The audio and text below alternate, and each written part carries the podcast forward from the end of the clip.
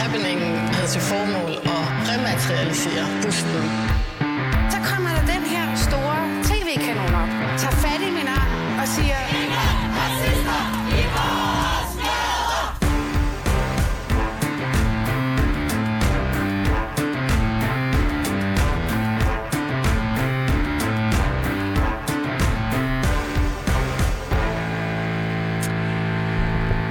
så er vi tilbage med anden time af Baby og Boomer, Danmarks eneste identitetspolitiske magasin. Mit navn er Phyllis Jassar, og jeg er jeres woke og været inde på programmet i dag. Og med mig i studiet står også min gæstevært. Du holder ved her i anden time. Det er ikke, fordi du blev skræmt væk, Tom. mere til. Fedt.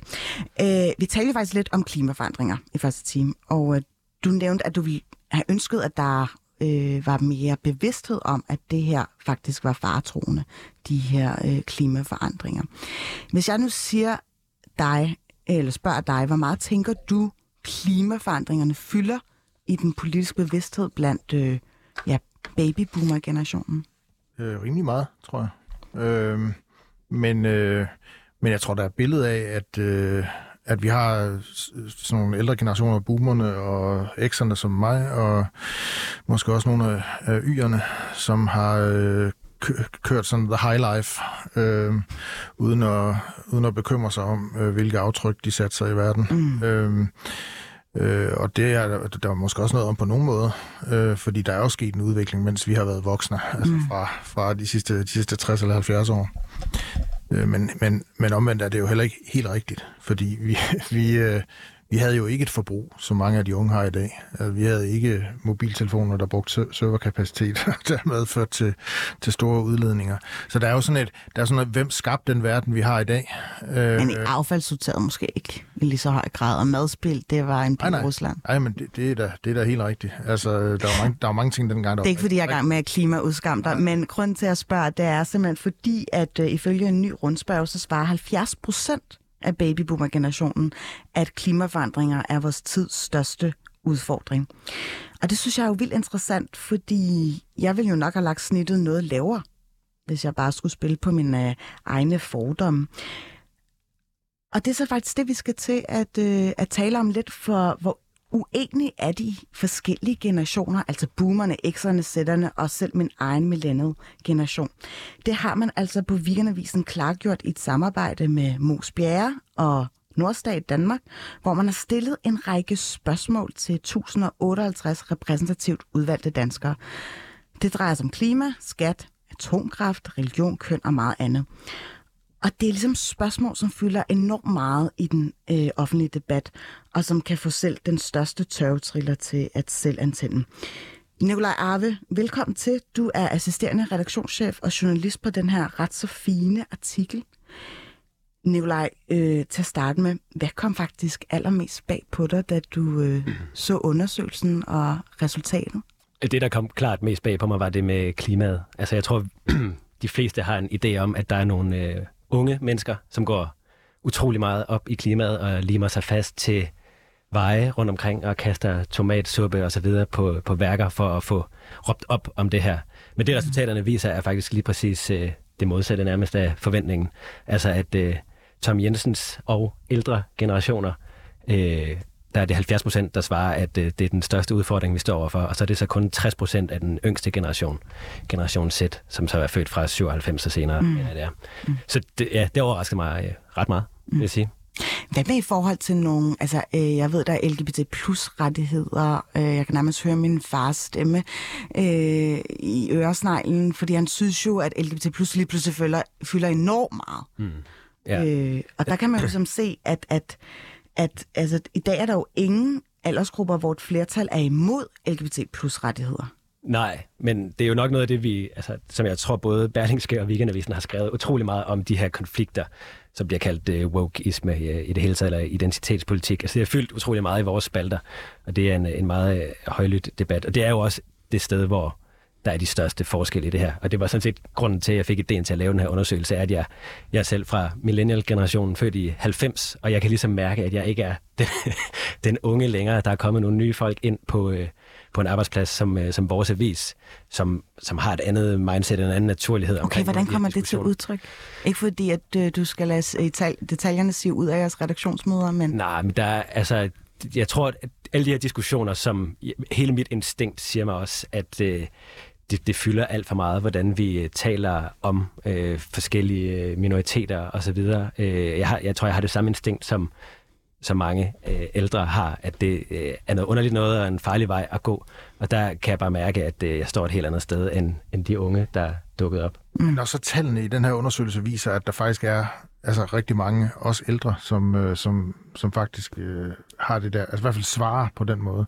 Kan der så under det der spørgsmål, kan der ligge alligevel meget forskellige syn på det? Tænker du på klimaet nu her? Både klimaet sådan set og, og LGBT øh, plus rettigheder. Altså at man man svarer, ja det er vigtigt, Mm, men, det er klart. men måske ser man alligevel faktisk ret forskelligt på det. Det er klart. Altså, ja, vi har jo kun stillet sådan nogle et 20 forskellige spørgsmål, sådan ret overordnet. Så hvis øh, man skulle have gjort noget mere ud af det, så ville jeg helt klart have stillet flere spørgsmål om klima for eksempel. Altså, hvad er det så helt konkret, man vil gøre ved det? Det er jo fint nok at se det som en stor udfordring, mm. men er man så villig til at droppe øh, vækstsamfundet, eller hvad er det, man forestiller sig? Altså, er det teknologiske løsninger, eller så videre? Så der er klart øh, uafklarede spørgsmål mm. i sådan en undersøgelse her.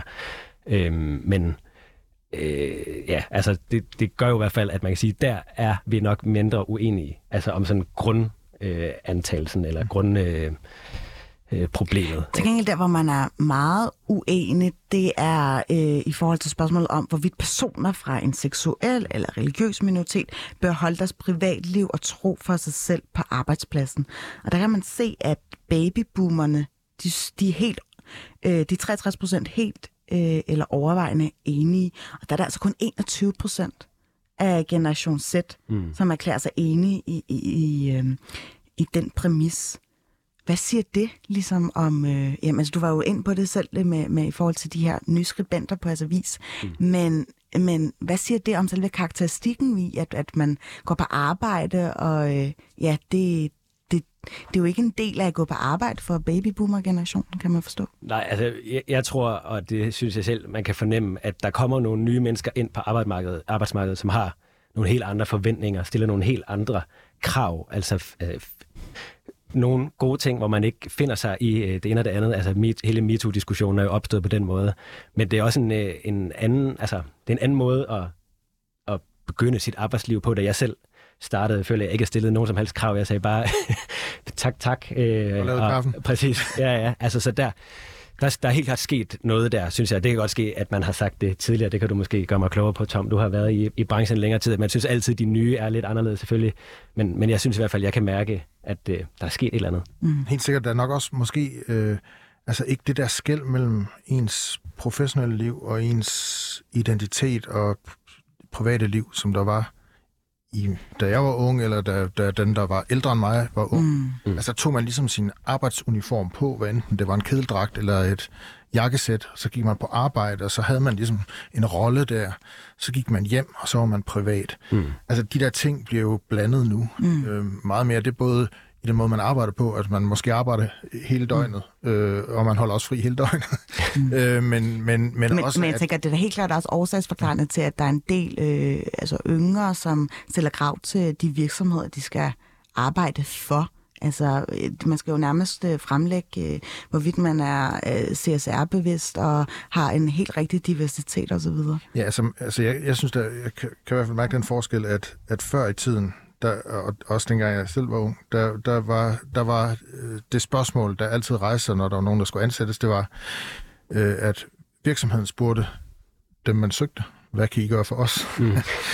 og nogle gange i dag er det det modsatte spørgsmål. Altså, det vil sige, det er, det er dem, der søger jobbet, der spørger, hvad kan I gøre for mig? Ja. Øh, og, og det er jo en virkelig interessant forandring, for det siger jo en, hel masse. Mm. Det må man sige. Ja. Der er også en intern splittelse i Generation Z. Det er jo ikke fordi, at de er en, en homogen gruppe, der bare lægger sig fladt ned og kan abonnere på øh, alle, hvad det hedder, regnbue-dagsordner.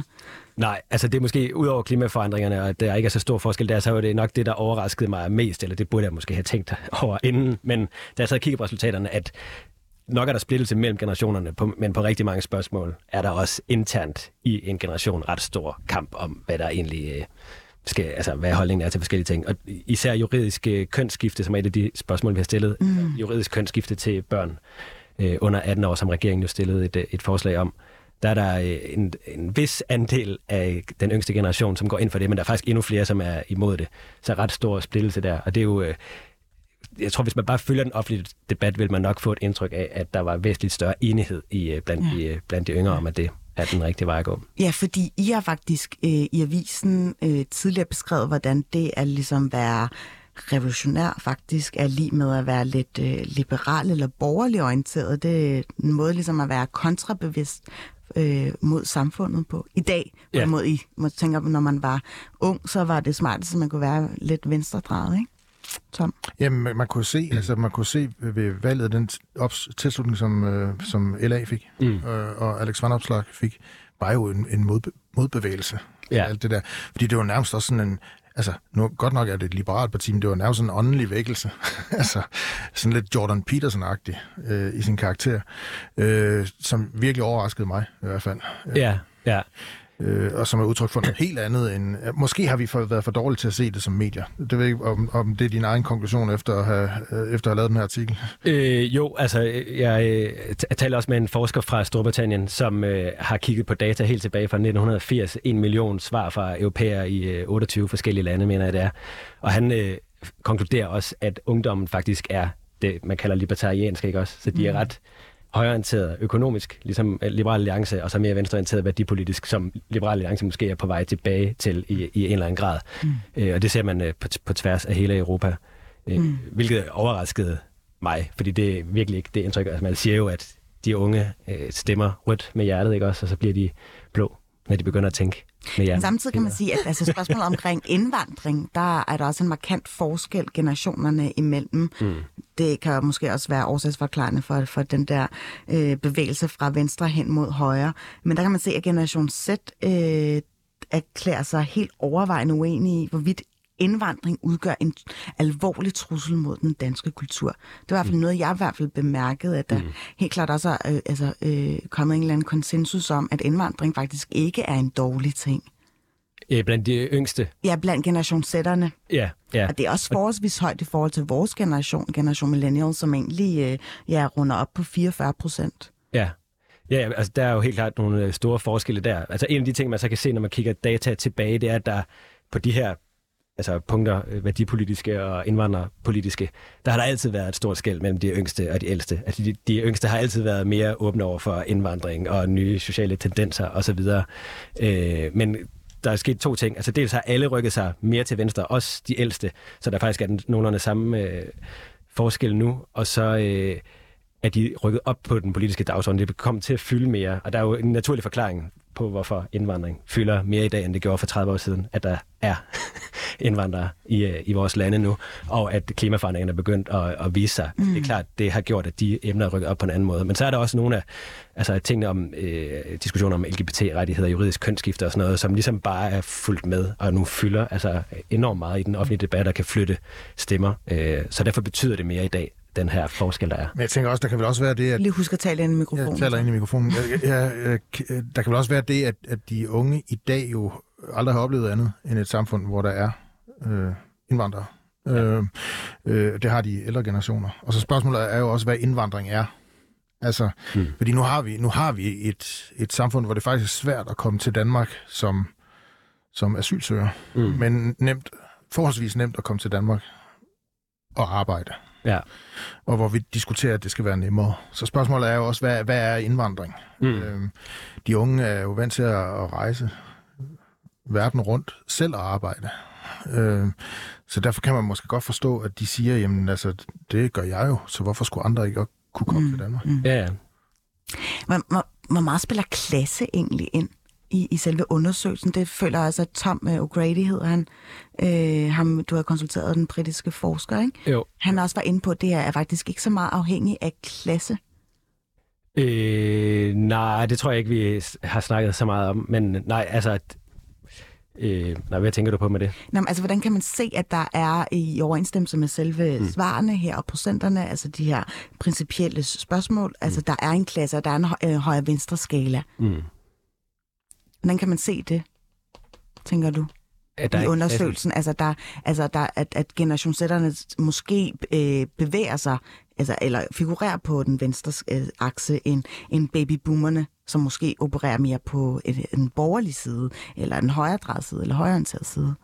Øh, jamen altså, de, de, øh, jeg tror ikke, jeg forstår, hvordan det hænger sammen med klasse. Det, det må du undskylde. Nå, altså, om, om de er mere klassebevidste, og det er derfor, man måske er mere øh, åben for indvandringen, og, og at man måske ikke sidder på alverdens goder, øh, fordi man jo er ung og ikke har, har tjent ma- med masser af penge. Og, så, og hvorvidt egentlig klassespørgsmålet også spiller ind og influerer på, på deres måde at ligesom svare på i undersøgelsen. Ja, altså det, det han, han taler om, det er, at man selvfølgelig vokser op i en eller anden tid, som def, altså er med til at definere den, man er.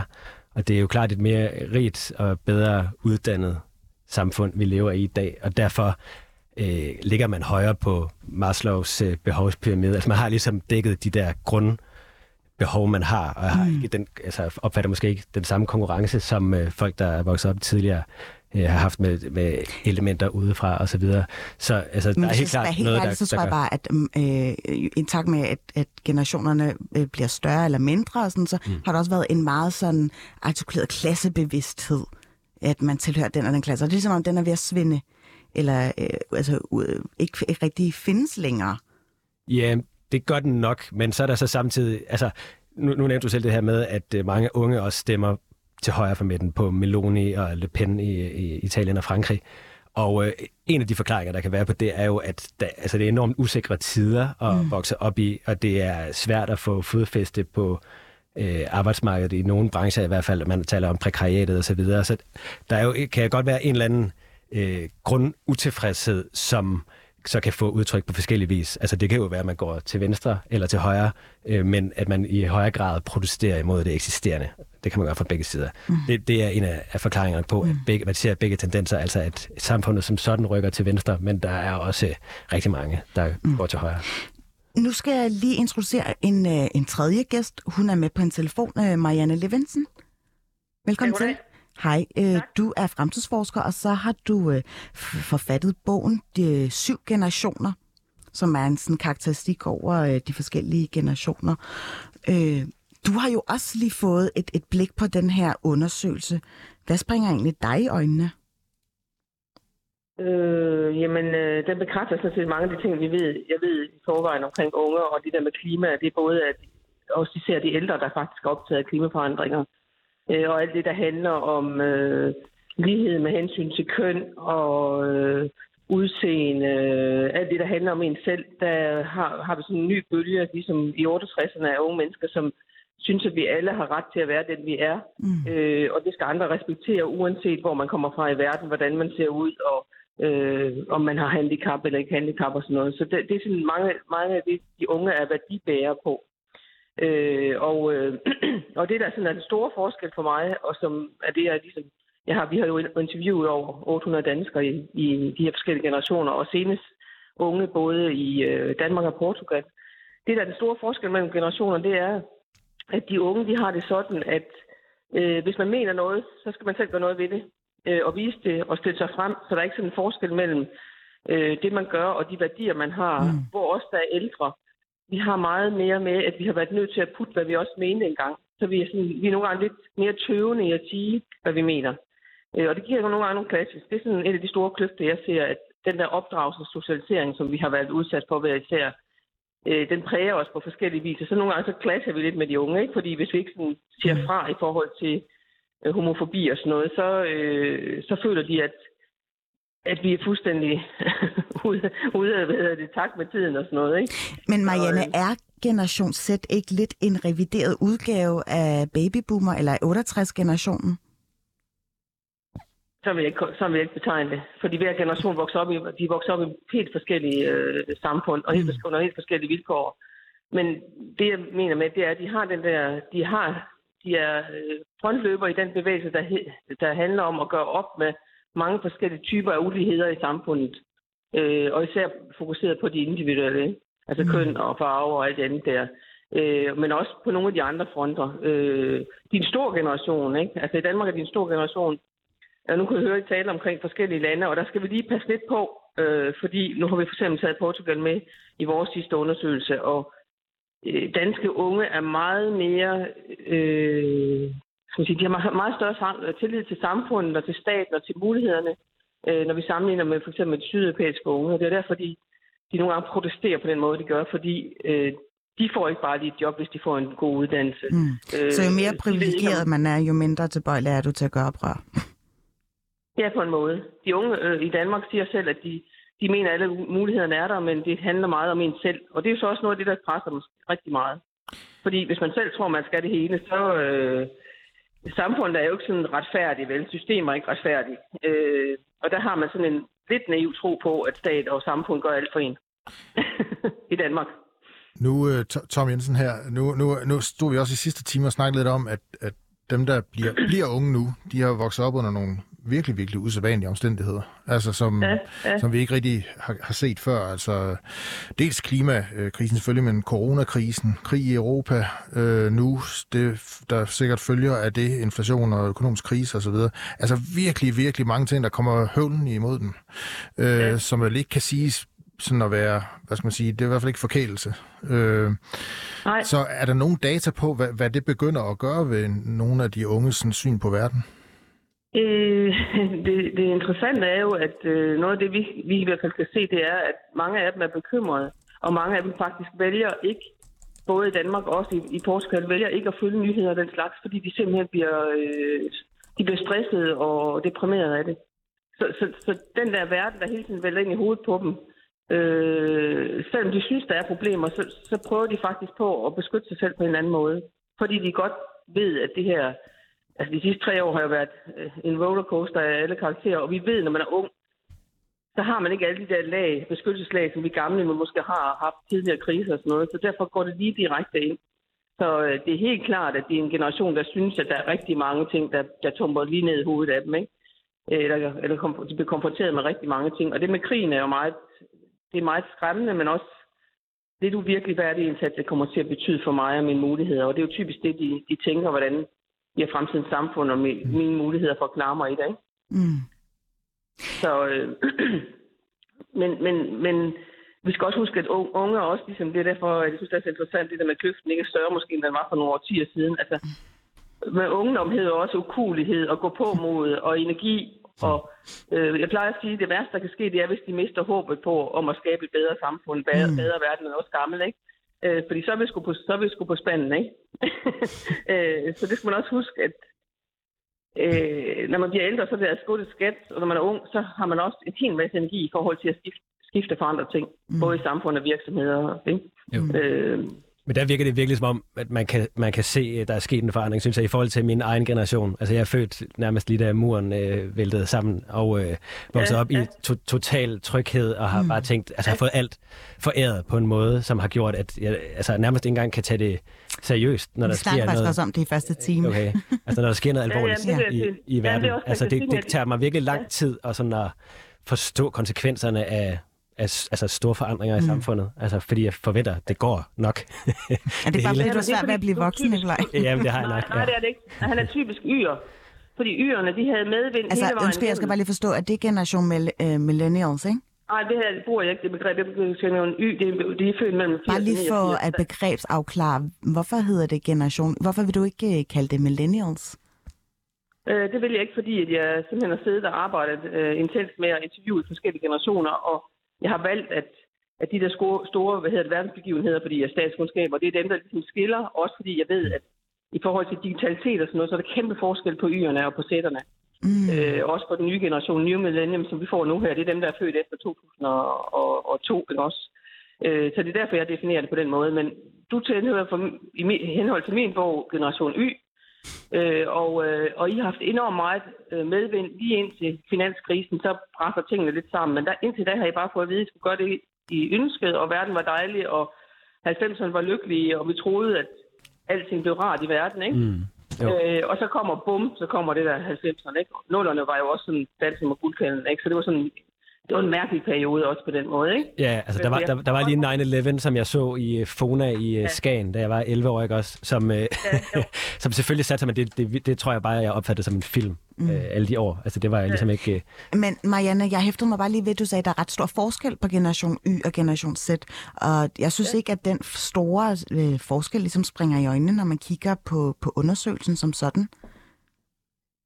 Nej, men det kan du jo ikke sige. Det kan, det, det kan jo godt være værdimæssigt og holdningsmæssigt tættere på hinanden end, end, end på, på os gamle, for at sige det. Ikke? Jeg er selv en, en, en, en, øh, en generation Jensen, altså.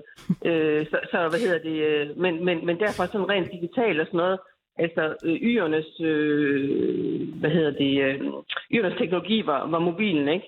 Og, mm. og sætternes var øh, internettet, som jo, på, vi må sige, har ændret rigtig meget i vores samfund siden. Det kunne slet ikke forestille os, dengang det kom i 1995, vel? Mm. Øh, og det er noget der, hvor jeg siger, der, der er nogle kæmpe forskel på øh, adgangen, forståelsen, øh, brugen af det, og, og, og også det, man kan huske fra sin opvækst. Ikke? Mm. Øh, Marianne Levinsen, jeg vil faktisk meget gerne fortsætte den her øh, samtale, men øh, tiden skrider. Du skal have tusind tak, fordi du gad at være med på en telefonforbindelse. Fremtidsforsker og øh, forfatter til øh, de syv generationer. Også tak til dig, Nicolaj Arve, fordi du gad at øh, udpensle den her meget spændende undersøgelse i studiet. Selv tak. Nu vender jeg lige blikket mod dig, Tom, fordi at, øh, jeg ved ikke, om du har fulgt med i en øh, ret så aktuel sag med, øh, med Mia Nygaard inde på øh, Københavns Rådhus. Jo, vi har også selv skrevet noget om. Ja. Hvad, øh, hvad, hvad, hvad, hvad bemærker du egentlig ved, ved første instans i den her sag?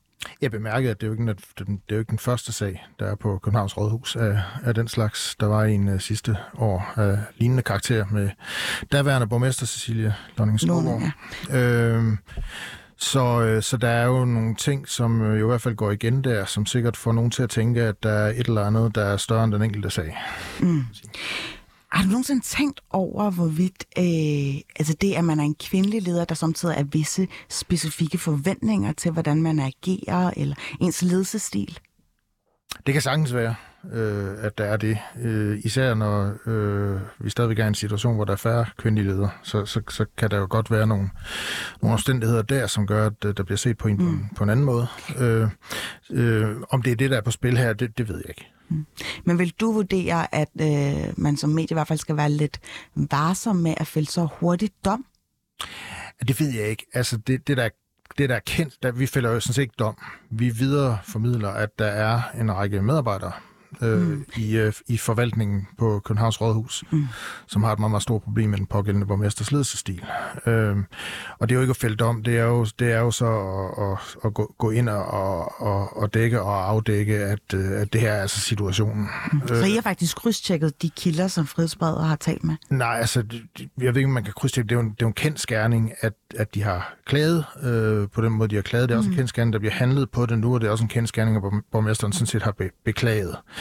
Øh, hvad der så ligger bag bag igen, jamen det, bliver, det, kommer, det kommer vi jo sikkert øh, tættere på efterhånden, som tiden går. Altså jeg har da også tænkt, altså der, der er også, det, der er også altså i de to sager er der jo også det øh, på, på spil i begge sager, at der taler om en forvaltning bestående af embedsfolk og så en politiker. Mm. Og det kan jo også være et eller andet i samspillet. Der der spiller. Mm.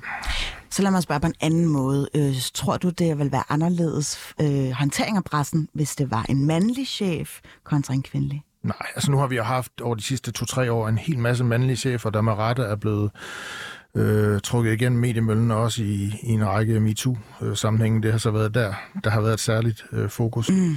Øh, jeg synes jo, jeg synes jo der, er, der er jo et eller andet i det her, som er sådan lidt, øh, lidt interessant, fordi det har jo været sådan en, hvad skal man sige, en, et mantra længe, at, øh, at for at der er sådan en ægte ligestilling, så øh, må vi også frem til en situation, hvor der er lige så mange udulige kvindelige ledere, som der er udulige mandlige ledere. Øh, og derfor kan det jo godt være, at vi i de kommende år, hvor, der, hvor jeg ikke er i tvivl om, der kommer flere kvindelige ledere, både i det private erhvervsliv og i den offentlige sektor, mm. kommer til at se flere sager, hvor der så også er kvindelige ledere, der bliver udsat for kritik. Mm. Dorte Toft, journalist og forfatter. Jeg ved, at du forholder dig måske øh, lidt anderledes i forhold til ja, Tom Jensens analyse her. Du har nemlig skrevet et øh, Facebook-opslag, og øh, her refererer jeg lidt fra det. Du skriver for eksempel, hvor mange mandlige chefer har i samme grad været i mediernes fokus som elendige ledere. Hvorfor skriver du det? Øhm, altså, som Tom Jensen siger, så er det jo helt rigtigt. Der har været mandlige ledere, meget få navngivende, men der har været mandlige ledere, som har været gennem mediemøllen på grund af lige netop MeToo. Og det er det der med at famle og alt det der andet. Øh, det her med kvinder, det har jo mere at gøre med måden, de taler på til underordnede. Øh, kommandere med dem, eller hvad det er. Og øh, jeg reagerede jo selv på det, fordi det gør lidt ondt i mig hver gang jeg læser om de her historier, fordi jeg selv var en af de der kvindelige ledere, der fik på puklen af mine medarbejdere. Der var sådan regulært mytteri i øh, den afdeling. Jeg styrede den informationsafdeling. Og det fik mig jo til at læse en masse om det der med holdningen til ledere, øh, afhængig af deres køn.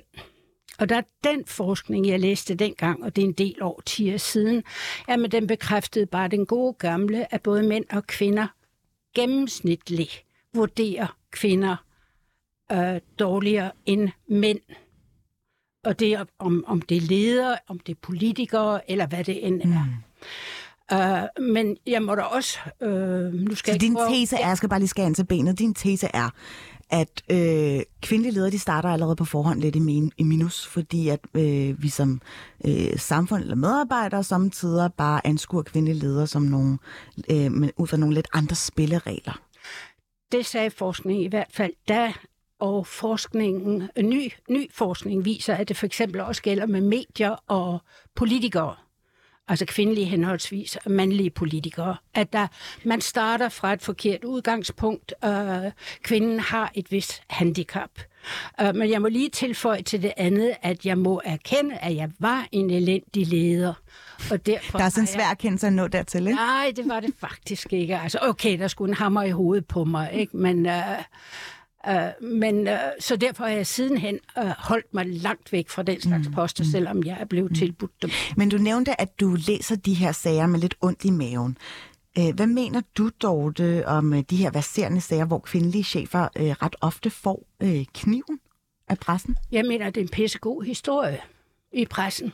Altså her har vi en bitch, en bossy bitch, som ikke kan opføre sig Altså med reference til Mia Nygaard lige i den her sag. Ja, og alle de andre, du havde den anden som øh, Cecilia Lonning Skovgaard, du har haft netop hos Berlingske, anne Sofie Hermansen. Jeg erindrer også historien, øh, de der ret kraftige historier om Ilse Jacobsen, og sådan, jeg synes, der er for mange af dem, øh, hvor det er, der gives fuldstændig fri for, her er nogle medarbejdere, der synes, det er en heks. Mm. Så, bum, så kommer det på forsiden, og jeg forstår ikke rigtigt, hvad er det med medarbejderne? Hvorfor går de ikke ud? Der er jo, der er jo virkelig mandlige chefer, der er chefen fra helvede, og det er ikke kun dem, der græmser, det er ved Gud også øh, ham med de psykopatiske træk og så videre. Men hvorfor går, hvorfor går de ansatte ikke ud der og sætter underskriftsindsamling og kræver ham fyret og kontakter medierne og sådan noget. Så der er en helt anden smertetærskel. Jeg tror det, at man vender sig mere, altså man forventer ikke det der, det var en af mine egne fejl, jeg glemte den der med, kunne det måske være muligt, ville du være sød at, og mm. alt det der andet, i stedet for bare at sige, gør det. Mm. Og jeg var særlig slem, når jeg var stresset. Jamen, det, det tror jeg, vi alle sammen er. Øhm, Dorte, men er, altså, er der stor forskel på så pressens måde at omtale eller frame, skrive om de her mandlige øh, skrækchefer kontra kvindelige? Altså, jeg synes ikke, jeg har set nogen historier om det. Altså jeg vil sige, øh, men det blev blandet lidt sammen. Altså der var jo hele et, dygtigt røvhul øh, diskussionen omkring Michael Dyrby på Ja. TV2, som, jo, som, jo, som jo ikke kun handlede om, om MeToo, men sådan set også handlede om, hvad, hvad, hvad, hvad var det for en, en ledelseskultur, der var på TV2, som jo var et, et, et sted, der i hvert fald tilbage i tiden var, var sådan mandligt styret, kan man sige. En hård tone, en, en, øh, et, et, et sted, hvor det kunne være svært at være, hvis man ikke lige var i, øh, i øh, sådan de øverste øh, betroede lag og så videre. Så jeg synes ikke, det har været fuldstændig fraværende, men det er da rigtigt, altså det, det, det er da objektivt rigtigt, at der har været en række sager, som har involveret kvindelige øh, chefer, der er blevet kritiseret. Mm. Og hvad er årsagsforklaringen til det? Altså, er det, nu spørger jeg lige lidt kægt, men er det fordi, at vi giver øh, mandlige chefer lidt længere snor? Det ved jeg ikke. Altså, det, det ved jeg ikke. Det, er jo svært. Det er jo, det er jo sådan et spørgsmål, der faktisk er helt enkelt er svært at svare på. Ja. Øh, men, men, men man kan sige, jeg har sådan set kun et problem med diskussionen, for det kan godt være, at der, at der, der stadigvæk er, fordi der er færre af dem, er et andet blik på kvindelige øh, ledere øh, i nogle sammenhænge og i nogle brancher, sikkert mere end i andre brancher. Øh, jeg har kun et problem med sådan en diskussion, det er, at den kan jo godt trække os derhen, hvor man så siger, at de oplevelser, som medarbejderne har haft, ikke anerkendes. Og det er jo den diskussion, vi så omvendt i, i MeToo-regi har, har haft, hvor vi faktisk jo er nået frem til, at, øh, at, at det må man faktisk anerkende, hvis der er nogen, der har haft mm. en oplevelse, så må man faktisk anerkende, at øh, en oplevet krænkelse er en krænkelse. Mm. Men vi skal jo samtidig, øh, når vi skal anerkende det her, så skal vi også øh, have mere i, i baghovedet al den forskning, der er om fordomme i relationer til køn. Øh, så der kan jo være en årsag til, at man reagerer øh, hårdere. At man, altså, hvis, hvis vi nu går tilbage til min egen forfærdelige case der. øhm, altså, jeg blev forventet også at skulle tage hensyn til kærestesover i højere grad, end jeg kan forestille mig, at en mandlig chef øh, var blevet bedt om. Altså, jeg skulle være mere omsorgsfuld og sådan. Det ligger måske det kan jeg godt være, men altså arbejdsmæssigt, der, der synes jeg bare, at man skal præstere. Det er lidt, mm. Altså, nu lyder jeg virkelig som en, en, en boss fra helvede, ikke? Nej, nej, men jeg synes, at det er en interessant nok diskussion at stille os åben, og også til dig, Tom, fordi at øh, jeg har selv konsulteret en ekspert, eller en, som øh, læner sig op af noget solid forskning vedrørende det her, og øh, hende vender vi lige tilbage til. Hun er professor i strategisk kommunikation, fordi jeg vil egentlig gerne lige høre dig, Tom. Altså, tror du, at vi som gængse medarbejdere, mennesker, har bare nogle bias eller nogle helt andre forventninger til mandlige chefer kontra kvindelige? Altså, jeg tror i hvert fald er ved at ændre sig, hvis det har været sådan. Altså, det mærker jeg i hvert fald ikke i min, min egen organisation. Jeg tror til gengæld, der kan være noget, som ikke handler om køn, men som handler om, om generationer og blik på, hvad en chef må og ikke må, øh, og hvad en chef bør og ikke bør. Og den der kultur, vi, hvor, hvor du også eksisterede som leder, og hvor jeg da også har, har, har, øh, har, har været i organisationer, hvor der var den type leder. Mm. Altså det der med den der meget hårde, den der meget øh, i rettesættende, den der meget kommanderende, øh, magtfulde chef, øh, cheftype, øh, den tror jeg møder modstand, både når det gælder mænd og når det gælder øh, kvinder øh, i de her år. Altså, der kommer man faktisk ikke ret langt med længere. Altså, der skal simpelthen ledes på en anden måde. Så det er en tidsånd, og det er en norm, der ja, ændrer sig? Det, det tror jeg, det er. Alright. Det, det er det i hvert fald også. Mm. Jeg har jo talt med Signe Nørholm Just, som er, øh, som sagt, professor i strategisk kommunikation, og jeg spurgte hende, hvordan forholder vi os til at have en mandlig versus kvindelig leder? Og det svarede hun til sådan her. Et af, et af de slogan, der ofte bliver gentaget, det er sådan noget think manager, think male. Så altså vores normer for, hvad en god leder er, passer egentlig også bedre til vores fordomme om, hvordan mænd eller maskuline kroppe opfører sig. Og det vil sige, hvis en kvinde eller en, en person, som vi øh, på grund af, af hendes kropslige, fysiske og sociale udtryk øh, opfatter som en kvinde, så opfører sig som det, vi opfatter som en leder, så sker der altså sådan et øh, clash imellem vores forventninger til, hvad en leder er, og vores forventninger til, hvad en, en kvinde er. Og det betyder, at kvindelige ledere har meget mere, de skal forhandle mange flere forventninger, som de ligesom skal gøre op med, øh, for at kunne blive opfattet som, som gode ledere. Altså, at der ofte nogle gange bliver talt om, at kvinder kan være bedre ledere, fordi kvinder er empatiske og omsorgsfulde og gode til at tænke holistisk osv. Og det har været sikkert masser af kvinder, der er, men, men jeg tror ikke, at det sådan er, er noget, som, som man naturligt har med sig. Og det vil jo så sige, at, at hvis en kvinde ikke har de træk, jamen så kan hun måske blive diskvalificeret af den grund. Omvendt, hvis hun så udøver empati og omsorg og, og alle de her ting, jamen, så kan det være, at det bliver svært at, at se hende som leder, og derfor så kan, kan nogle kvinder jo så ende med, som du er inde på, at, og sådan at, at gå over i en, en måske sådan ultramaskulin eller en, en meget hård ledelsesstil, mm. som de så øh, straks bliver straffet for, fordi vi har forventningerne om, at, at kvinder netop ikke skal, skal være sådan.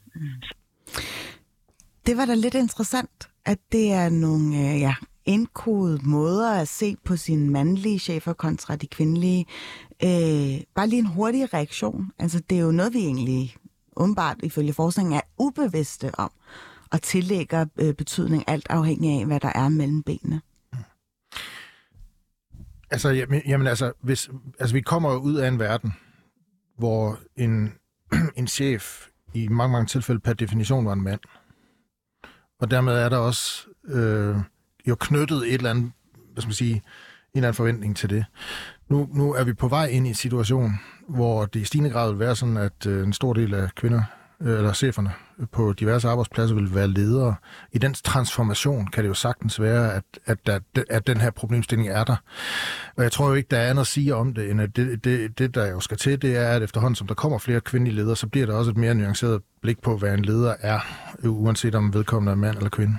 Mm. Men måske er det bare mig, men jeg føler jo ikke, at kvinderne som sådan er værre end mændene. Men det er jo netop fordi, at øh, som, som Sine faktisk øh, ret fint fortæller her, at, øh, at de begynder at indoptage adoptere nogle, nogle adfærd eller øh, nogle måder ligesom at lede på, som er meget traditionelt tilhørende hos en mandlig leder. Og det bliver man jo ikke lige frem honoreret for. Men det er klart, hvis, hvis man er i en organisation, hvor man, hvor man er ene kvindelige leder blandt øh, 25 øh, mandlige ledere, så for at klare sig, kan det da godt være, at man, man, man føler sig, øh, hvad skal man sige, hmm. skubbet til at adoptere nogle, nogle ting, som måske ikke er den måde, man instinktivt vil lede hmm. på, øh, ideelt set. Øh, men igen siger jeg bare, jamen det er jo kultur under udvikling, det her. Og og der er, der er, jeg tror ikke, der er andet at sige, end at efterhånden, som der kommer flere kvindelige ledere, så tror jeg faktisk også, det vil blive lettere at være kvindelig leder, og jeg tror sådan set også, det bliver lettere at være mandlig. Mm. Jeg er ikke helt sikker. Måske lidt, men jeg er ikke helt sikker, fordi vi kan se de her fordomme, der ligger, de bliver ved med at være der. Altså, det er ligesom om, at øh, der kommer nye generationer, der stadigvæk har det siddende et eller andet sted inde i sig, og så kan de unge piger unge kvinder sin at ah, det var i gamle dage og sådan noget, så de skal bare vente 10-15 år, så møder de det igen. Øhm, altså, de, de sidder der meget fast, de der øh, fordomme og forventninger til køn. Og det er lidt ærgerligt, men, og man kunne jo ønske, at øh, man måske gjorde lidt mere ud af at gøre unge interesseret i at tage højde for de fordomme i sig selv, arbejde med dem, så det ikke kun er chefer, der skal arbejde med deres mm. fordomme, så det ikke kun er sådan noget, men altså, at det bliver en del af en normal ting. Har du en fordom over for køn? Har du en fordom over for alder? Der rammer begge dele, altså med min høje alder og så videre.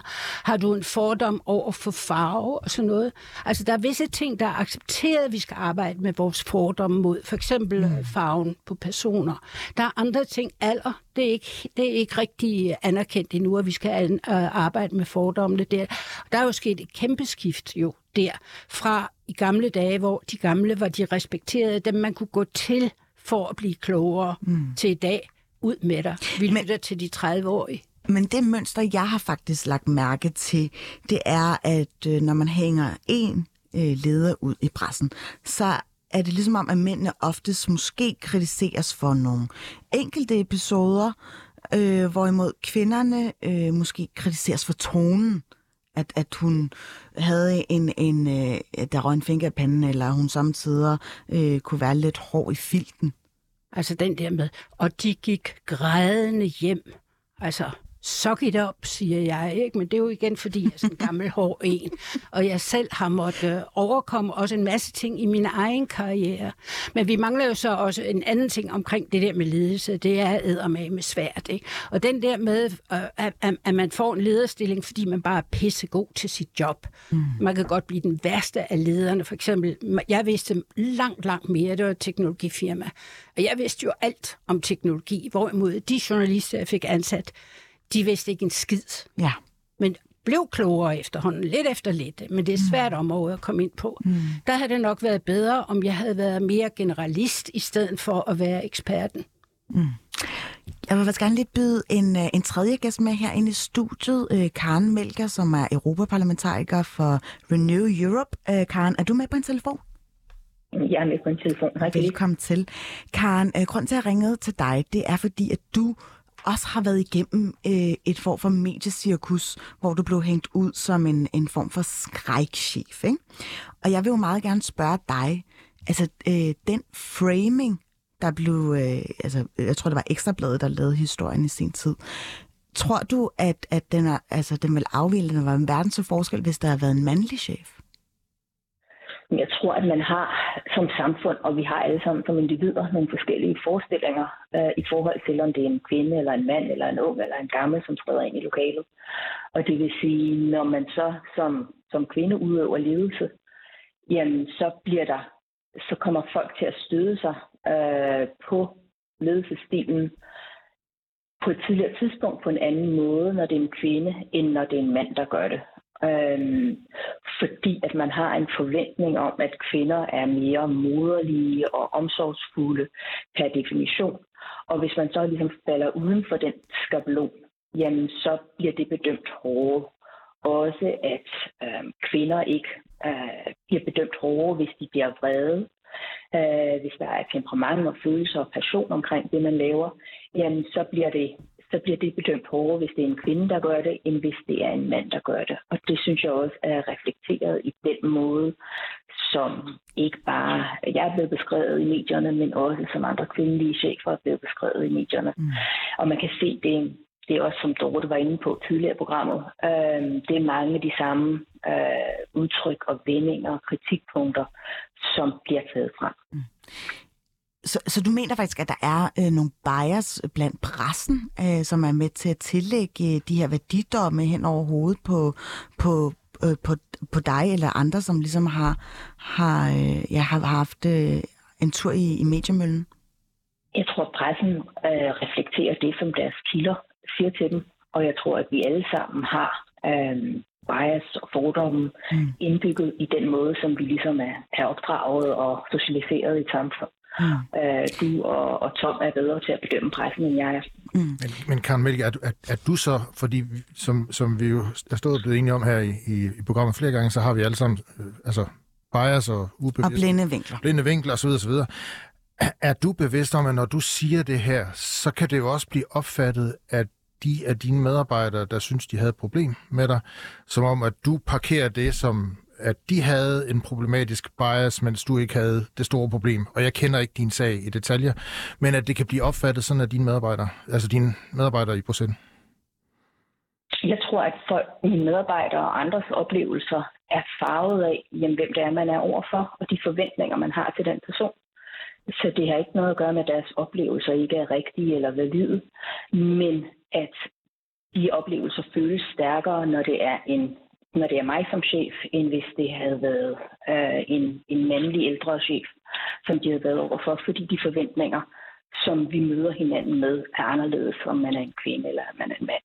Mm. Altså hvis man ser på øh, de sådan øh, fødselsdags øh, omtaler af for eksempel mandlige chefer, jamen, så kan du have en formulering, som er, at han krævede meget af sig selv, men også meget af sine medarbejdere. Hvorfor ikke få komme til at støde sig på deres chef? Mm. Og det er jo en helt anden måde at beskrive øh, ledelse på, når det er en mandlig chef, end den måde, man har set kvindelige chefer i de sidste par år blive beskrevet i pressen. Men dermed siger du jo også, og det er bare, bare lige for, øh, og igen, jeg skal ikke, øh, jeg skal ikke øh, gøre mig til dommer i den sag, der, du kommer til at sige, øh, på en eller anden måde risikerer du i hvert fald at komme til at sige, at det, der foregik, foregik jo, men at øh, det, at det var et problem, det var noget, der var inde i, øh, hovederne på dine medarbejdere? Altså, det var deres blik på det, som Nej, virkelig var problemet? Jeg, jeg, taler, jeg taler sådan set mere generelt. Jeg taler ikke om mine medarbejdere eller øh, mit kontor. Det, det er mig, der forsøger at, at ligesom lægge den vinkel ind på det. Jeg prøver at se på, jamen, hvordan er det, kvindelige ledere har været behandlet øh, i pressen, og hvordan det er, at man møder kvindelige ledere frem for, for mandlige ledere. Mm. Jeg tænker på, øh, nu skal det jo heller ikke kun handle om ledelsesstil, men også øh, omkring de normer, vi hver især indhaver af. Og hvis jeg kunne godt være helt vildt øh, fristet til at spørge jer, altså, hvor meget skal vi tænke på de normer og artikulere dem ud i arbejdsregi og sige, prøv at høre, øh, jeg havde nogle forventninger til dig som leder, du skulle måske være sådan her, dem har du modbevist, og det har jeg dyb respekt for. Øh, men det kunne sagtens også være, at man havde en, en åben dialog om det, at, at, øh, at, at din ledelsesstil måske er, er, er stødelig. Det var bare nogle bolde, jeg lige kaster i luften, men, men jeg, jeg er meget, meget nysgerrig efter at vide, hvordan kan vi få bugt med, øh, med de her møgsager, som desværre også lidt udvikler sig øh, totalt som en lavine i pressen og blæst op. Jeg tror jo mere, at vi taler om det, des bedre. Øh, og, og jeg synes også, at man som leder skal man også være parat til, at folk kommer til en og problematiserer ens måde at være leder på. Mm og kunne tage det ind og forhåbentlig, og forhåbentlig forbedre sig. Mm. Øh, altså det, det synes jeg er nærmest en kerneopgave som leder. Mm. Altså at man kigger ud på sin organisation, og så øh, trumler man ikke bare afsted, men man, man, man fornemmer faktisk, hvad der, hvad der er på færre derude, og så tager man det ind, og så agerer man efter det også som leder. Mm. Det, det, det betyder ikke, at man ikke kan lede. Øh, tværtimod, at lede, det er, jo, det er jo både at sætte noget i gang, men det er også at få folk med sig. Det synes jeg, Tom har helt ret i, og det er jo også det, som øh, mange af de redskaber, som er blevet brugt i nogle af de her sager, øh, er, er sat i verden til. Og det er jo netop for at prøve at se på, jamen, hvor er der ting, der kan forbedres, og hvordan kan man føle, hvor organisationen er, og så netop tage, tage læring af det. Og der tror jeg i gang imellem i de her sager, på grund af, at det pres i politiske organisationer, der er, jamen så får du ikke lov til at ligesom tage den læring med dig og arbejde videre med, men det bliver brugt til ligesom at, at fælde dom frem for at, at drage læring fra. Så, så, så altså, øh, den måde, som pressen ligesom som tider øh, laver øh, forsider på det her øh, og fælder ret hurtigt dom, det skal man, altså man skal ligesom veje sin ord. Ikke som presse, altså pressen må, må skrive, hvad de vil, men jeg tænker, man som organisation skal være bedre til at, at bruge den læring, som der er, og drage det videre frem for at, at bruge det som en, en form for domsfældelse. Mm. Men jeg tror, at uh, trods alt, at, at, at pressen trænger til lidt selvopdragelse. Fordi altså, hvis vi for eksempel, vi, vi har jo desværre ikke samme medieforskning herhjemme, som de har i Sverige, men der er der sådan en doktorafhandling, hvor man gennemgår omkring 4.500 artikler om skandaler blandt politikere, kvindelige politikere, henholdsvis mandlige politikere og den viser, at kvindelige politikere er typisk involveret i mindre skandaler, men de omtales mere. Og kvindelige politikere, der bliver tidligere skrevet, at de bør gå af end mandlige politikere. Og det er jo et bias, der ligger i pressen, og jeg ved ikke, hvor, hvor meget man er villig til at arbejde med det der. Men det har jo også lidt at gøre med den gamle, hund, øh, den gamle historie om, at det er ikke en historie, hvis hunden bider postbuddet hmm. i benet, men hvis postbuddet bider hunden i benet. Den holder stadig.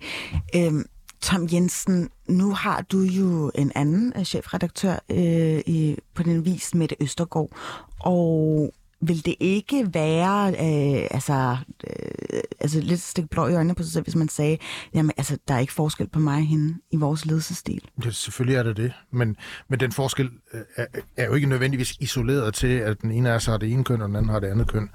Vi har også forskellige aldre, mm. øh, vi har forskellige baggrunde, vi har forskellige erfaringer, øh, vi er forskellige mennesker, øh, som har forskellige styrker og svagheder, øh, og det er da rigtig, rigtig godt at være bevidst om det, Altså, har I øh, snakket om det indbyrdes? Ja, ja, ja, ja. det har vi. Øh, øh, altså, jeg er en bedre starter af ting, end jeg er en afslutter for eksempel. Altså, øhm, øh, det, det, har, det har mere med personlighed ja, men, det har men, ikke med køn at gøre. Nej, nej, det ved, det ved jeg godt, men, men, men, men min pointe er sådan set også, at der kan sagtens være forskelle også mellem os, som øh, mm. er, er, hvad hedder det, øh, har med køn at gøre, men der kan også være mange andre forskelle. Mm. Øh, og, og, og, og, og jeg har sådan det lidt sidste for... ord, Tom, øh, fordi at tiden skrider desværre. Karen Melker, tusind tak, fordi du gad at være med på en telefon fra Bruxelles. Tak for invitationen. Og også tak til dig, Dorte Toft. Og ikke mindst tusind tak til dig, Tom Jensen, for at du gad at være gæstevært. Jeg håber, du nåede det lige så meget ja, som mig. Så håber jeg, I får en god øh, weekend derude. Jeg takker af for nu.